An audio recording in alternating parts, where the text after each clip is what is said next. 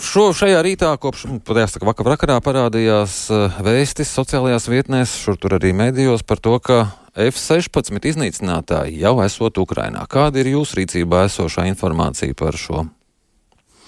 Nu, patiesībā, sakot par F-16, manā rīcībā ir tāpat informācija, kas jebkura cilvēka rīcībā, kas seko um, publiskajiem avotiem. Uh, jebkurā gadījumā ir skaidrs tas, ka ir virkne NATO dalībvalstis, kas ir publiski paudušas savu gatavību nodot Ukraiņas vajadzībām uh, noteiktu skaitu šo iznīcinātāju. Uh, Ukrainas piloti veids un turpina veikt apmācības procesu, lai viņi varētu veiksmīgi pilotēt šos iznīcinātājus. Tā kā es domāju, tas process viss virzās uz priekšu, un, un ja nu tie iznīcinātāji vēl nav, lai gan ir ziņas, ka jau, daži jau, jau atrodas Ukraiņu pilnībā nodot Ukraiņu rīcībā, ja nu vēl tiešām visi nav nodot, tad tas ir tuvāko nedēļu jautājums, kad uh, kad Ukraiņa tiem varēs sākt operēt. Mm -hmm. Vēsts par F-16 piegādi, ja tāda ir notikusi, noteikti neiepriecinās Putinu, bet šķiet, ka aizdītā mēneša laikā viņš varēja justies gandrīz par tām domstarpībām, kas valda starp uh, NATO dalību valstīm saistībā ar palīdzības sniegšanu, kaut vai nu pat par šo, uh, šīm diskusijām ASV kongresā. Redziet, Putins, protams, cenšas publiskajā telpā demonstrēt, ka viss ir kārtībā, kā, kā viņš saka, bieži vien, un tiek citēts, ka viss iet pēc plāna. Manuprāt, mums nebūtu tik daudz jāpievērš uzmanība tam, ko Putins saka un kā viņš izturās, jo, kā mēs esam konstatējuši pēdējo gadu laikā, Krievijas amatpersonas dažādos līmeņos, arī visaugstākā līmenī, uh, ļoti bieži izsaka nepatiesus uh, apgalvojumus, cenšoties maldināt vai no savu publiku Krievijā, savus iedzīvotājus vai, vai starptautisku auditoriju. Uh, mums, ja mēs raugamies no Latvijas drošības interesēm, ir, ir jāraugās uz visu šo te tādā ziņā, ka, ka Krievija ir valsts, kura uh, ir veikusi agresīvu darbību, veikts agresiju Ukrainā jau gandrīz divu gadu garumā pārkāpjot visas starptautiskās saistības, gan divpusējās, gan daudzpusējās. Un NATO kā aizsardzības aliansē, kuras uzdevums ir rūpēties par savu dalību valstu un iedzīvotāju drošību, ir, ir faktiski jāpieņem visi iespējamie scenāriji.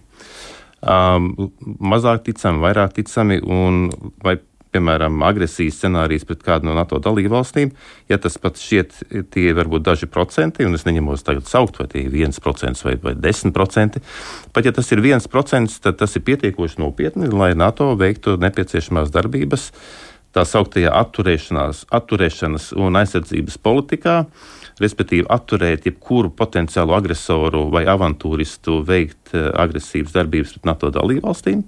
Bet, ja gadījumā tiešām kāda no šīm te, uh, trešām valstīm uzskatīs par vajadzīgu šādu agresiju veikt, tad uh, veiksmīgi šādu uzbrukumu atvairīt. Tas ir tas, ko dara NATO. Uh, pēdējie lēmumi politiskā līmenī tika pieņemti Viļņas samitā šī gada vasarā. Šobrīd uh, NATO aizsardzības uh, saka, komandieri veic visu to, kas ir nepieciešams gan aizsardzības plānu ziņā, gan nepieciešamo bruņojumu, iegāžu un, un, un nostiprināšanas ziņā tajās vietās, kur tas ir nepieciešams. Katra dalībvalsts veic arī savus mājas darbus, piemēram, Latvija. Un par to arī diezgan uh, skaidri publiski pausts pēdējo nedēļu laikā ir uh, ir arī parakstījusi virkni vienošanos ar, um, ar, ar Vāciju, ar Amerikas Savienotām valstīm par uh, pretgaisa aizsardzības sistēmu iegādi, um, um, par uh, pretkuģu raķešu iegādi un citu bruņojumu, kas acīm redzot ir nepieciešams, lai krīzes situācijā mēs būtu gatavi sevi aizsargāt.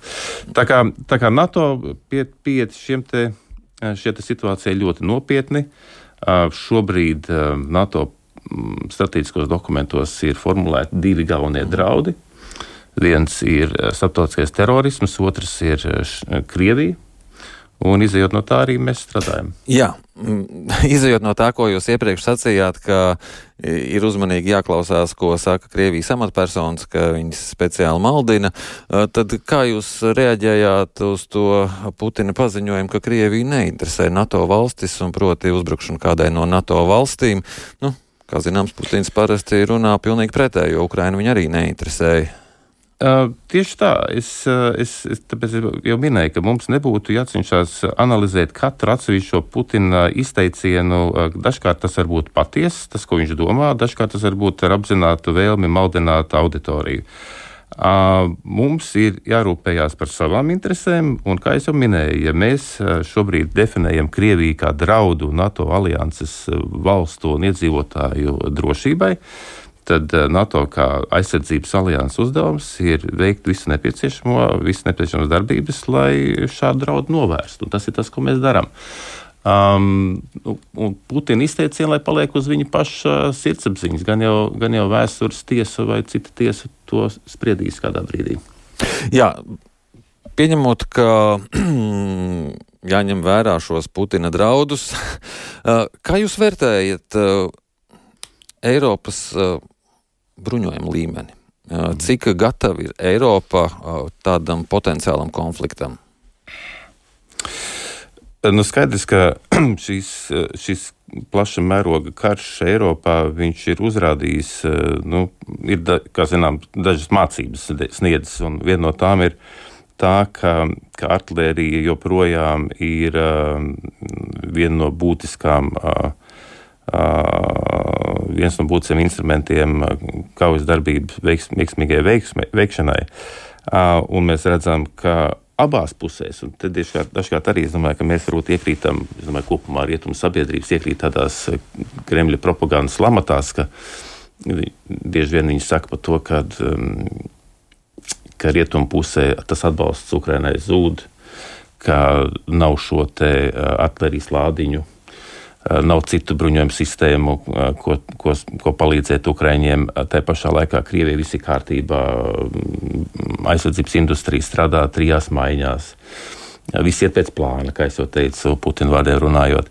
Tajā pašā laikā mēs taču redzam, ka Krievija veic uh, savu bruņojumu papildinājumu no Ziemeļkorejas to pašu artērijas lādiņu ziņā.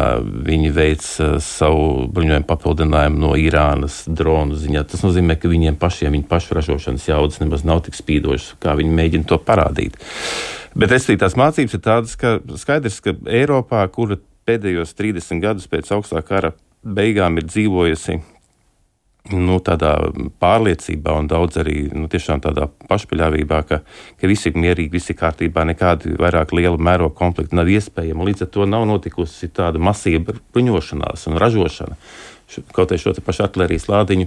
Nu, tagad es apzināts, ka tā ir bijusi acīm redzot eh, slikta prognoze, um, kas ir savā laikā veikta. Uh, Um, un um, šobrīd tiek veiktas papildus investīcijas uh, tajos uzņēmumos uh, Eiropā, rietumos, kas, um, kas šo bruņojumu ražo. Uh, pēc uh, aplēsēm, kuras man nācies iepazīties, uh, šķiet, ka jau nākamā gada beigās uh, rietumu kopīgā ražošanas jauda konkrēti tieši artērijas munīcijas ziņā pārsniegs uh, Krievijas ražošanas jaudu kopā visiem Ziemeļkorejas atbalsta mehānismiem. Tas, protams, ļoti nosacīti. Bieži vien tiek piesaukti tur, kad Amerikas Savienotās valsts Ukraiņiem ir, ir devuši divus miljonus lādiņu vai pat vairāk, un, Eiropas uh, valsts gandrīz pusmiljonu lādiņu, un savukārt Krievijas jauda tur varētu būt kaut kur arī pār divu pusmiljoniem. Tas, protams, ir samērā nosacīti. Tie cipari visu neizsaka. Mēs redzam, ka frontē šobrīd ir iestājusies zināms nu, tādā statistiskā situācija, kad vienā vai otrā mm. sektorā varbūt viena puse gūs kaut kāds panākums, citā cita puse.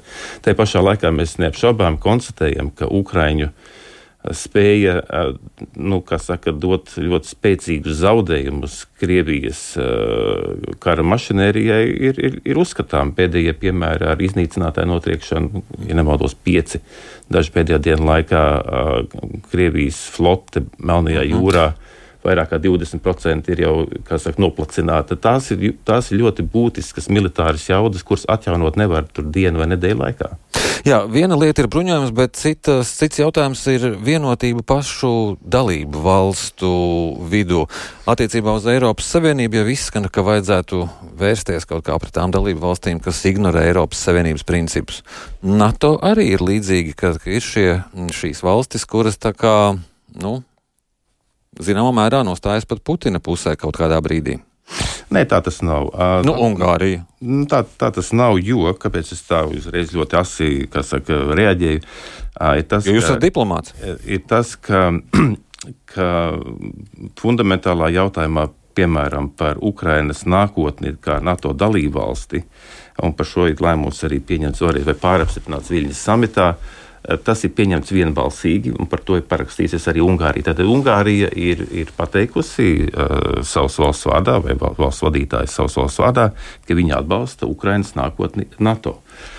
Uh, Kur ir atšķirības uh, NATO dalībvalstu starpā? Neapšaubām, mēs esam demokrātisks valstis, un katrai valstī varbūt ir konkrētā brīdī uh, varbūt ir niansētāks redzējums par vienas vai otras problēmas risinājumu. Uh, neapšaubām ir, ir viedokļa atšķirības par, par dažādiem jautājumiem, bet NATO līdz šim savos 75 gados kopš organizācijas, gandrīz 75 gados, kopš organizācijas dibināšanas, pie visām atšķirībām viedokļos, kādas ir pastāvējušas gan starp valstīm, vienā vai otrā jautājumā, fundamentālajā jautājumā, kas attiecās par, par, par to, ka galvenais uzdevums ir mūsu pašu valstu drošība, kolektīvā aizsardzība, vai tas, ko saka viens par visiem, visi par vienu.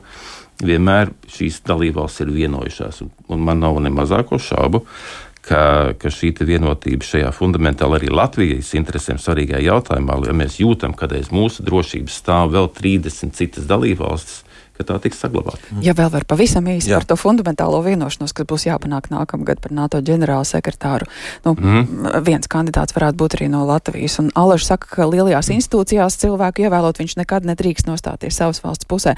Līdz ar to, skatoties tajā visā, vai mūsu valsts potenciālajam kandidātam uz NATO ģenerāla sekretāra amatu, tas ir plus, ka viņš nāk no Baltijas, vai varētu būt mīnus?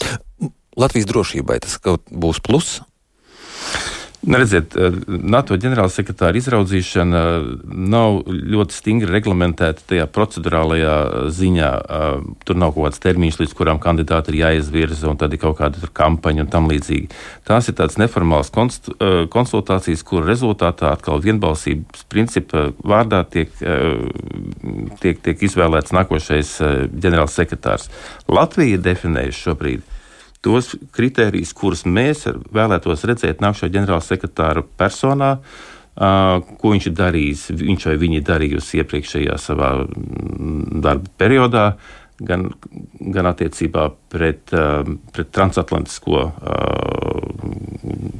saiti, gan attiecībā pret militārās investīciju nepieciešamību. Šie ir 2%, kas bieži tiek piesaukti, gan kur šī konkrētā persona ir atradusies jautājumā par atbalstu Ukrainai, uh, kā šī konkrētā persona vērtē Krievijas agresiju pret Ukrainu, Krieviju kā draudu.